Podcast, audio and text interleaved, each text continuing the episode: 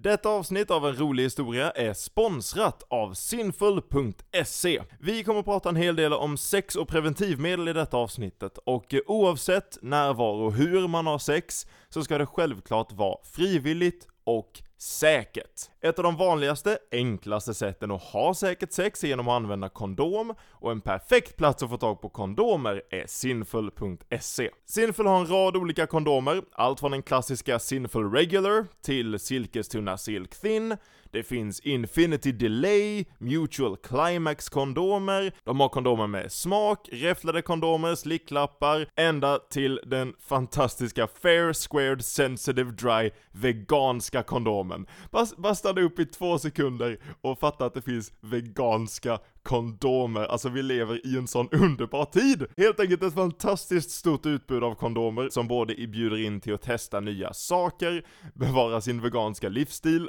allting samtidigt som man håller sig säker. Så gå in på sinful.se och kika in på deras utbud av preventivmedel, eller skippa partnern helt och ägna dig åt fullkomligt säkert sex med en av deras fantastiska sexleksaker. www.sinful.se Nu kör vi igång med avsnittet! Extra, extra,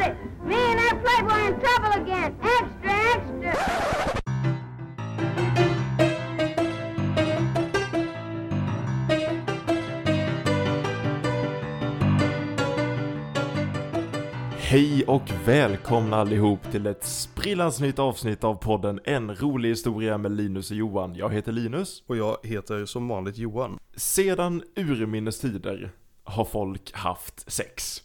Mm. Och för ett antal tusen år sedan så var det någon som fattade länken mellan att ha sex och att få barn. Mm. Och jag svär att samma dag som man för första gången fattade att sex leder till barn så började man utveckla första preventivmedlet.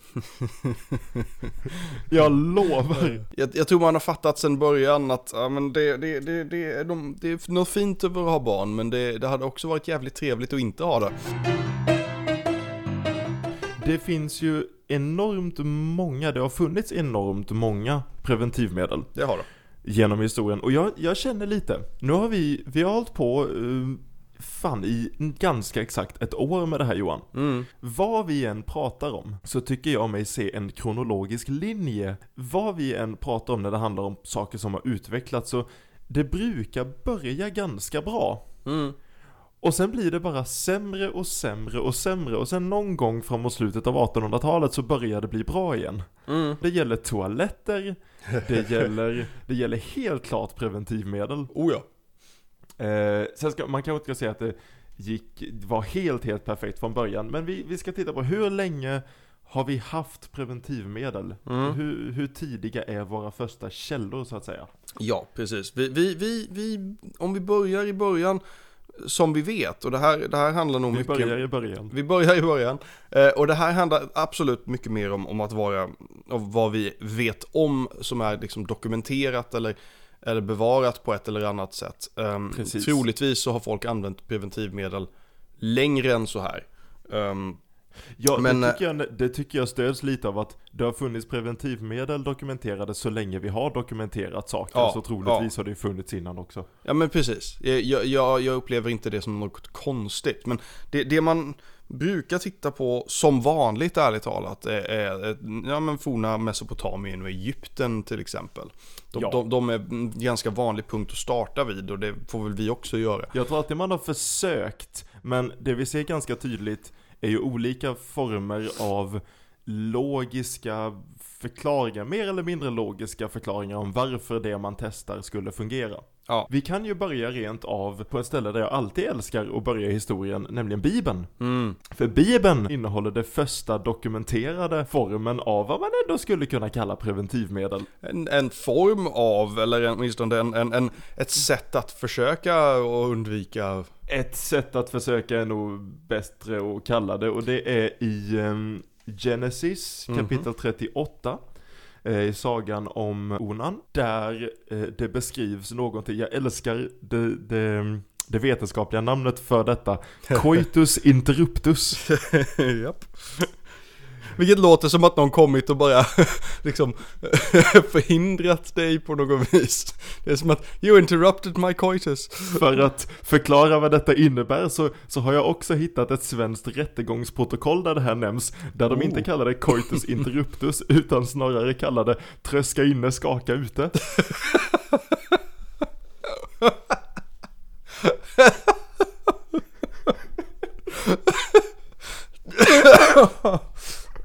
Åh gud. Och det är alltså helt enkelt ett avbrutet samlag där du har Mm. sex och Mm. ehm, där, du, där, där du helt enkelt inte avslutar eh, inuti då som man. Precis. Ni hör hur jag blir mer och mer obekväm ju längre in jag kommer den meningen.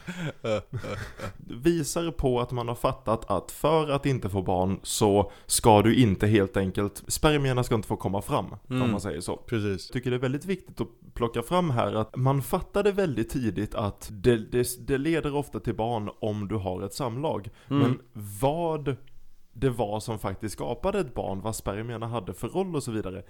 Det tog ett jävla tag innan man fattade. Mm. Så man ska inte ge för mycket cred till människorna Pre- som, som... Nej, nej, nej, utan det, det är ju liksom det, det mm, så här långt inte längre i, i resonemanget liksom. Vi har liknande procedurer i Kina, finns det dokumenterat från 800-talet före vår tideräkning. Där man hade något liknande som var eh, coidus obstructus. Mm.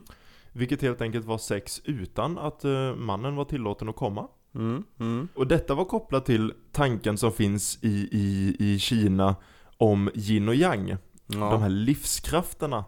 Där man ansåg att om, du, om en man kommer, om en man får orgasm, så förlorar han en del av sin livskraft. ja, ja. Jag ser någonting logiskt i det. Det finns ju en, en, en slags, man känner ju att man, man, man, någonting i hjärnan förändras ju. Ja, Gör det. eller hur? Sen ska man väl kanske passa sig för att kalla det vetenskapligt. Vi, vi går mot vetenskapen. Vi tar små, små babysteg mot vetenskapen. Mm. Du nämnde Mesopotamien och Egypten. Där kommer vi in på där man faktiskt börjar använda medel på Mm. olika sätt. Ja men så är det ju, och man, och man börjar liksom titta på konstiga saker eh, egentligen. Men det, tanken är, det, det, det, man, det man tittar mycket på är ju ehm, eh, framförallt sätt att, att blockera ingången om man säger så. Ja. Ehm, Det, det, det är tanken. Eh, Med olika medel. Eh, Man använde honung, man använde olika löv som växte. Och man använde till exempel eh, krokodilbajs. Japp. Låt oss suga på den karamellen en stund. Ehm, det, är, det är så jävla ofattbart hur man får för sig att det är ett bra sätt.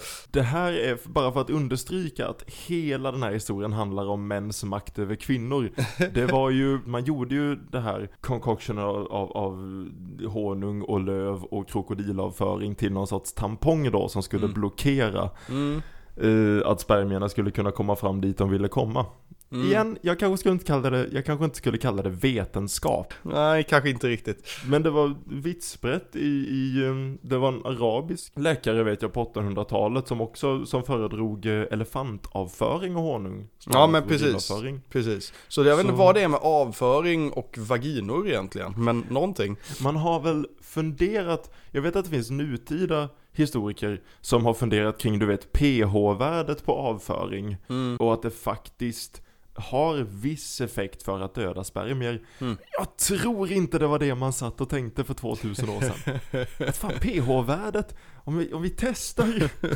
Jag tror, äh, jag, vad jag tror det handlade om, rakt av, det, det är konsistensen. De tänkte att ah, men det, här, det här blir nog bra eh, som konsistens. Liksom. Du vet den här eh, gamla tankeleken att du får välja fem människor, döda eller levande, som du skulle så här, bjuda in på en middag. Mm. Det finns ju någon stackars typ läkare ute i världen Mm. som hade bjudit in fem historiska, jättehäftiga läkare från historien Mm. Och insett att det enda de ville prata om var vilken typ av djuravföring som passade bäst för att skapa preventivmedel. liksom nu var allt folk pratade om sexrelaterat och eh, that's all they had folks. Det enda folk vill prata om är sex. Det är det enda vi pratar om i den här podden också. Heja! Nu undrar ni säkert, kära lyssnare, varför jag sa att det började bra med, med preventivmedel. Det var inte det, jag kommer till, vi kommer till de, de lite bättre grejerna. Det jag menade, det jag tycker var, var ganska bra som faktiskt eh, var något positivt, det var kondomerna som fanns på den här tiden. Eh, kondomer fanns ju främst i Egypten runt Mm. omkring. Eh, och man gjorde dem av linne. Mm, precis. Och det är ju långt ifrån perfekt. Jag tror inte de hade en hundraprocentig förtrogenhet om att fungera mot graviditeter. Nej. Men de var gjorda av så mycket bättre material än vad kondomer 200-300 år senare var gjorda. Om man tittar på historien så har ju kondom handlat mer om, det har ju handlat mer om sjukdomar än om graviditet. Mm. Kondom har ju skyddat mer mot att folk ska få, förlåt, inte folk, män ska få sexuellt överförbara sjukdomar. Mm. Än att män ska slippa göra kvinnor gravida. Precis, sen så, sen så går båda lite hand i hand så att säga. I det här Ja, fallet. självklart gör de det. Men man har testat väldigt många olika sätt att göra kondomer. Och här vill jag ändå säga att linnekondomen känns som det bästa alternativet fram till nutida kondomer om man tittar på alternativen som kommer efter. I Asien så fick man för sig att man skulle göra en sorts tippkondom Mm. som bara täckte liksom toppen av Mm. penisen. Mm. Tyckte inte linne var en så bra idé dock, utan man gjorde den av sköldpaddsskal. Det är, så, det är så mycket som kan gå fel tycker jag. Det är så, först och främst, först och främst, aj. Och för det Right. andra, för det andra, vad fan, vad, vad får den att liksom sitta kvar? Typ vadå, klister? Eller vad, vad, vad, vad, vad gör man liksom? Jag förstår Jag inte. vet inte. Helt sjukt. Uppenbarligen så har det ju inte funkat, för man gör det inte fortfarande. Mm, precis. Där, där har vi ju Men- en, ett tecken på när någonting, kondomer finns ju fortfarande så uppenbarligen funkar det men eh, Ja, ja, idén är ju det, bra. gäller ju, det gäller ju att de görs på rätt sätt så att säga. Ja, och man, man fortsätter ju tänka på 1700-talet så handsydde man kondomer av djurtarmar. Mm. Visst, ett steg i rätt riktning, men Alltså det är, det är flera användningsområden, det är kondomer, det är korv. Ja det är det jag vet, ärligt talat om djurtarmar. det viktigaste är att man inte förväxlar liksom kondomtarmarna med eh, korvtarmarna. det var ju tydligen mest kungar som hade råd med kondomer för de, de handsydda tarmkondomerna var tydligen väldigt dyra. Ja men det var de ju, och just på grund av att de var så pass dyra så fick man ju återanvända dem så att säga. Jag, jag får en sån här bild av, av eh, kung som vänder dem in och ut och så lägger de på så här torkställ typ utanför eh, slottet. Åh gud. Jag rör inte de kungliga kondomerna. Man hade ju som praxis också att när du skulle använda en kondom blåste du alltid upp den innan. Mm. För att testa så att det inte var för många hål i den. Mm. Jag hoppas, jag, jag vet inte vilken grupp som främst lyssnar på vår podd. Men jag hoppas människor som tänker att fan det är så jobbigt att behöva avbryta ett samlag för att ta på sig en kondom. Mm. Hoppas att de människorna lyssnar på detta avsnittet, för det har fan varit värre. det har varit mycket värre. Tänk dig glädjedödaren av att liksom förspelet har varit underbart. Men du måste avbryta nu för att gå ner till torkstället, plocka upp din finaste tarmkondom, blåsa upp den några gånger, hämta krokodilavföringen och honungen. Eh, För att pigga upp oss lite så kan vi gå tillbaka till, till antika Grekland. Mm. Där det fanns en gynekolog som hette Soranus.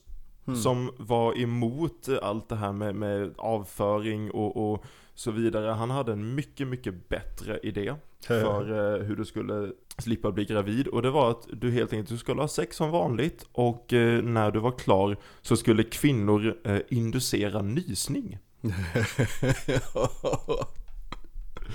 Igen, jag ser en logisk, jag kan se framför mig vad det är han, han vill få för effekt av detta.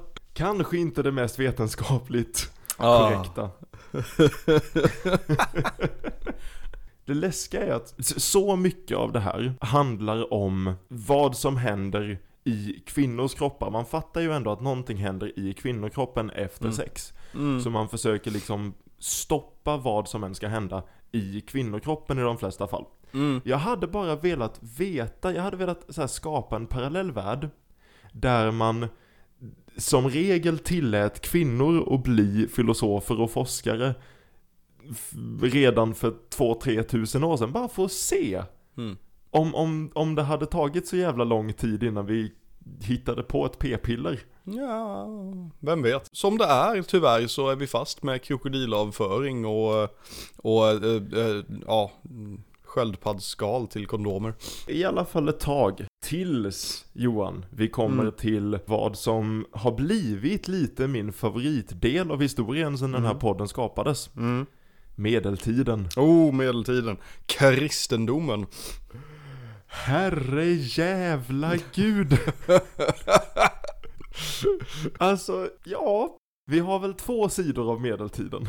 Dels så har vi kristendomen, Mm. som troligtvis helst vill att ingen ska ha sex någonsin överhuvudtaget. Precis. Men sen, man lyckas ju inte förhindra detta, människor har ju sex i alla fall. Mm. Du har ju en annan del av, av medeltiden som är jävligt häftig med den här mystiken med trollformler och amuletter och, och häxkonst och hela den här biten. Mm.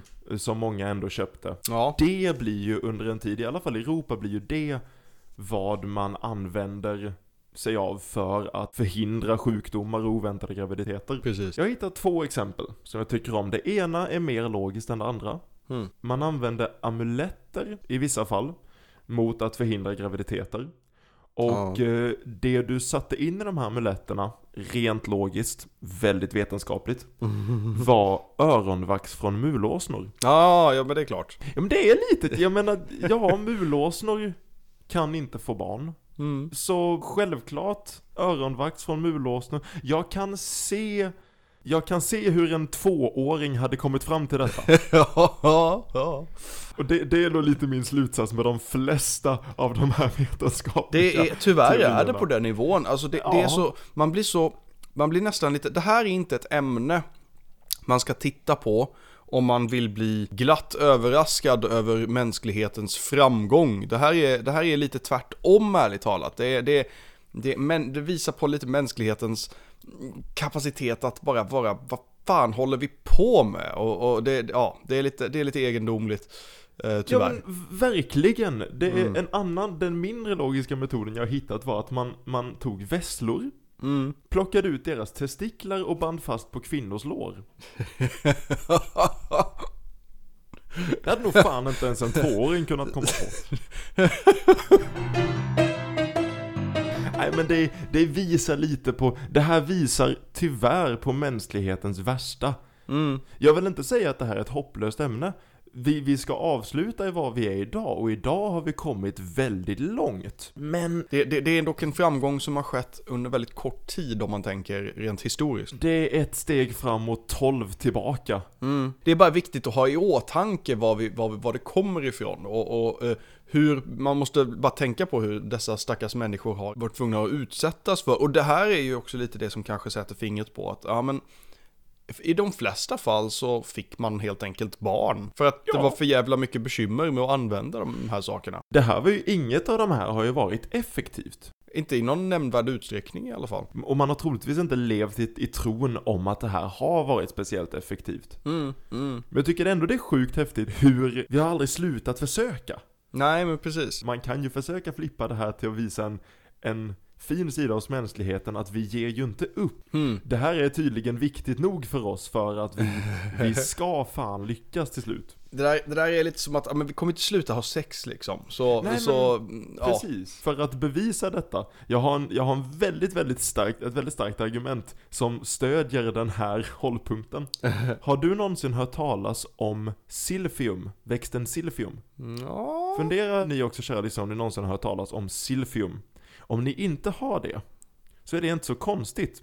För att för tusen år sedan ungefär, har jag för mig det var, eh, så, så blev silfium en sån här grej som man tänkte att jo men det här, det här kan man nog göra en, en sorts brygd av som, som förhindrar graviditeter. Mm. Och det blev så jävla populärt att vi utrotade den växten. Vi var så benägna om att inte behöva göra folk med barn, att vi ändrade den här planetens ekosystem. Oh yeah. Sug på den karamellen i två sekunder. Jag kan inte riktigt bestämma mig om jag gillar mänskligheten eller inte. Nej men alltså nej, det, det är en sån här, alltså, det är inte frågan om att bara, ja, men, man tycker om eller inte egentligen för att alltså, som sagt Alltså mänskligheten är lite som en jobbig familjemedlem men vi är, den är, vi är en del av den liksom och vi kommer inte ifrån det så Jag tror du har rätt i det. Det, det kanske inte leder någon, någon vart att vara för arg på mänskligheten. Man, man vet att mänskligheten kommer sitta där på nästa julmiddag och, och försöka, försöka sälja in krokodilbajs. Precis. Man, man får bara ta det. Vi kommer ju framåt i utvecklingen. Eh, framåt 1800-talet så började det hända lite grejer. Det kom en eh, gummipessar. Mm. Inte bara i gummi, man testade självklart också i eh, plast och metall. Fy fan. Alltså, ja, sköldpaddsskal, metallpers... Det, va- men varför? Förlåt, jag, jag vill bara be om ursäkt till alla kvinnor i historien. Nej men jag bara tänker, vad fan, vad, ah, gud varför? Jag Och då hade den ändå 300 år tidigare, 300 år innan den här metallpessaren kom, Mm. så hade en eh, arabisk forskare, jag kommer inte ihåg vad han hette, hade beskrivit hur man skulle kunna använda en pessar och hur, vad den var bra för, vad den gjorde. Och han använde en halv passionsfrukt. Mm. Och jag tänker, det är ju det är billigare, Mm, mm. det är ekologiskt, det är troligtvis inte jättekul men fan så mycket skönare än metall. Ja, metall är ju liksom inte materialet jag tänker på när jag tänker pesag. Det, det är bara... Nej. Mm. Man ska inte använda metall när, man, när det handlar om sex. Det känns som en väldigt, alltså det... Well, yeah. Jag tar tillbaka det. Jag vill vara sexpositiv. Gör vad fan ni vill så länge alla är med på det. Mm. Men jag tycker inte man ska använda metall som preventivmedel. Så långt tänker Det, jag. det, det, det känns inte orimligt. Sen så förstår jag väl att, ja, nog fan blockerade allt. Men det känns som att det gör andra saker också. Det är svårt att hitta spermier som tar sig igenom metall. Det, då jävlar förtjänar de att bli till barn. Jag tror dock inte det är så svårt att hitta, du vet. Han är också med på, på familjemiddagen, den här mannen som påstår att hans spermier tar sig igenom metall. Det jag ville komma in på här, det går ju lite framåt för det kommer ändå en gummipessar. Man börjar försöka komma fram till eh, olika piller. eh, som kvinnor då kan ta. Det, det är lite eh, längre fram, det är på 50-talet, 1950-talet som det första p-pillret kommer. Ja. Vi har Charles Goodyear, han som eh, skapade däckfabriken. Mm. Som eh, kommer på det här med vulkaniserat gummi som gör att man faktiskt kan göra en kondom som inte är helt förjävlig. Nej men precis, inte i metall, inte i, Nej, i, i, i inte, ingen avföring involverad liksom, inga Tror du skal. det stod det på de första kondomförpackningarna innehåller spår av kan, sköldpaddsskal? kan, kan innehålla spår av krokodilbajs. Eh, Uh, men nej, så det blir bättre. Problemet är bara att det är som om, som om, som om mänskligheten vägrar låta sig själv vara bättre. När de här grejerna kommer, då kommer regering efter regering i land efter land och förbjuder att det här används. ja, ja. För i, i USA förbjöd man all form av preventivmedel. I Sverige var det olagligt till jag har för mig 1960-talet att göra Precis. reklam för någon form av preventivmedel. Mm. Det, det är som om vi, vi försöker vara bättre, men det är en del av oss som liksom, nej. Eh, Och det här, det här kan jag, det, och det här är ju just, det här, det här kopplat till rakt av så här moralpanik, ärligt talat. Här kommer vi in på den här, ja men sex är kopplat till skam och, och, och, och det, det är en massa, vet, ja men förbannad kristendom i, i bakgrunden, ärligt talat. Delvis i alla fall. Kristendom, det finns ju andra resor. Jag tror mycket kvittar vilken religion man har. Jag tror, jag tror det är någonting med sex Johan. Som inducerar den här moralpaniken som gör att det, det är läskigt att låta folk eh, ha sex för fritt tror jag. Ja men det, det är en sån sak man vill, man vill kunna kontrollera det på något vis. Det är väl det här att do, låta dem välja själva, men de är ju bara, de är ju bara bönder. Kan du inte säga, du vet, svenska regeringsmän i topphattar på 1800-talet. Ska vi verkligen låta bönderna ha sex som de vill? De är ju bönder. Nej, det, det tror jag inte vi kan acceptera. Först ska de ha sex, sen ska de ha rösträtt. Till slut så blir det lite bättre i alla fall. För om vi tittar på hur det är så är vi på väg åt så jävla rätt håll känner jag ändå. Att vi har fungerande p-piller idag. Mm. Vi har det utvecklat, vi har jävligt bra kondomer. Mm. Inte bara bra kondomer, vi har veganska, ekologiska kondomer. Vi har forskning som, som studerar sätt att äntligen lägga ansvaret lite mer på män vad det gäller preventivmedel. Vi har basalgel, Mm. som är typ en icke-permanent form av att sterilisera sig. Mm. Så det blir lite som ett manligt p-piller. Vi har manliga p-piller på gång. Vi har kvinnliga eh, kondomer som gör att kvinnor har mer... Jag känner mycket av det här handlar om att ha rätten att liksom äga sin sexualitet på något sätt. Välja om man vill ha barn eller inte. Ja, ja men det ger alternativ liksom till, Ja. till, på olika sätt och vis. Eh, Det, det, det, det är ganska viktigt för att väldigt ofta idag så ungdomar generellt har, har gått liksom från att, det, det är som att de, de återgår väldigt lätt till det här gamla sättet att bara, ja men det är inte, inte det att de använder sig av metallpessar eller, eller elefantbajs eller någonting i den stilen. Men snarare att nej men vi gör ingenting. Och, och, bara, och så, får- får- så bara händer det som händer liksom. Och det, det, det är fruktansvärt vanligt att folk inte använder preventivmedel idag. Och det är väldigt synd i och med att det har nog aldrig varit enklare. Mm. Det, och det är ju inte, det, jag vill inte stå och säga att det är perfekt på något sätt, men det, jag kan tveklöst säga att det är så bra det någonsin har varit. Mm, mm. Nej men det, det är faktiskt det. Det är ganska, det är ganska mm, bra så sett. Alltså det, det är tur att det finns och det, det är synd kanske att det inte, jag vet inte vad man ska skylla på. Om man ska skylla på någon form av sexualupplysning eventuellt. Den tror jag inte ser jättebra ut. Nej, den, är, den är inte vad den borde vara. Vet du vad? Jag tror det är samma sak. För jag tror att det också handlar om den här grejen att sex känns som något skambelagt och som något något läskigt och så länge det inte handlar om bara väldigt kliniskt visa en bild på könsorgan i en NO-bok så är det lite tabubelagt att prata om det. Mm, mm. Jag Ja men tror det, framförallt så känns det som att det är tabubelagt att prata om den delen, så, eller den anledningen som vi faktiskt gör det. För att ärligt talat, det första anledningen vi har sex har inte med reproduktion att göra och det är väl lite där det som egentligen kanske sätter fingret på hela ämnet här. Att, att anledningen vi har sex är för att det, det är en, en som primär drift i oss. Vi vill ha det. Det är, det är trevligt att ha det och det, det är någonting som man aldrig får glömma och det är någonting jag tror skolor har glömt till stor del, eller skitit i. eh, Och inte våga prata om. Och det är som att, vad fan, var- varför ska man ha skam för det? Det är ju någonting bra. Det, jag vet inte.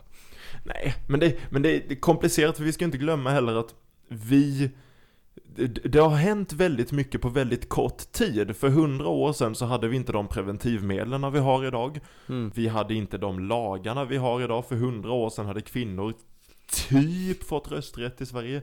Alltså, vi lever i en tid idag där vi, vi, vi hamnar i den här tron att vi är så jävla moderna, men vi har fortfarande 3-4 tusen år av den här tabun och skambeläggningen på ett eller annat sätt som jag tror är väldigt svår att skaka bort sig från. Mm, mm, Jag tror fortfarande vi är tidigare ute i den här processen än vad vi tror att vi är.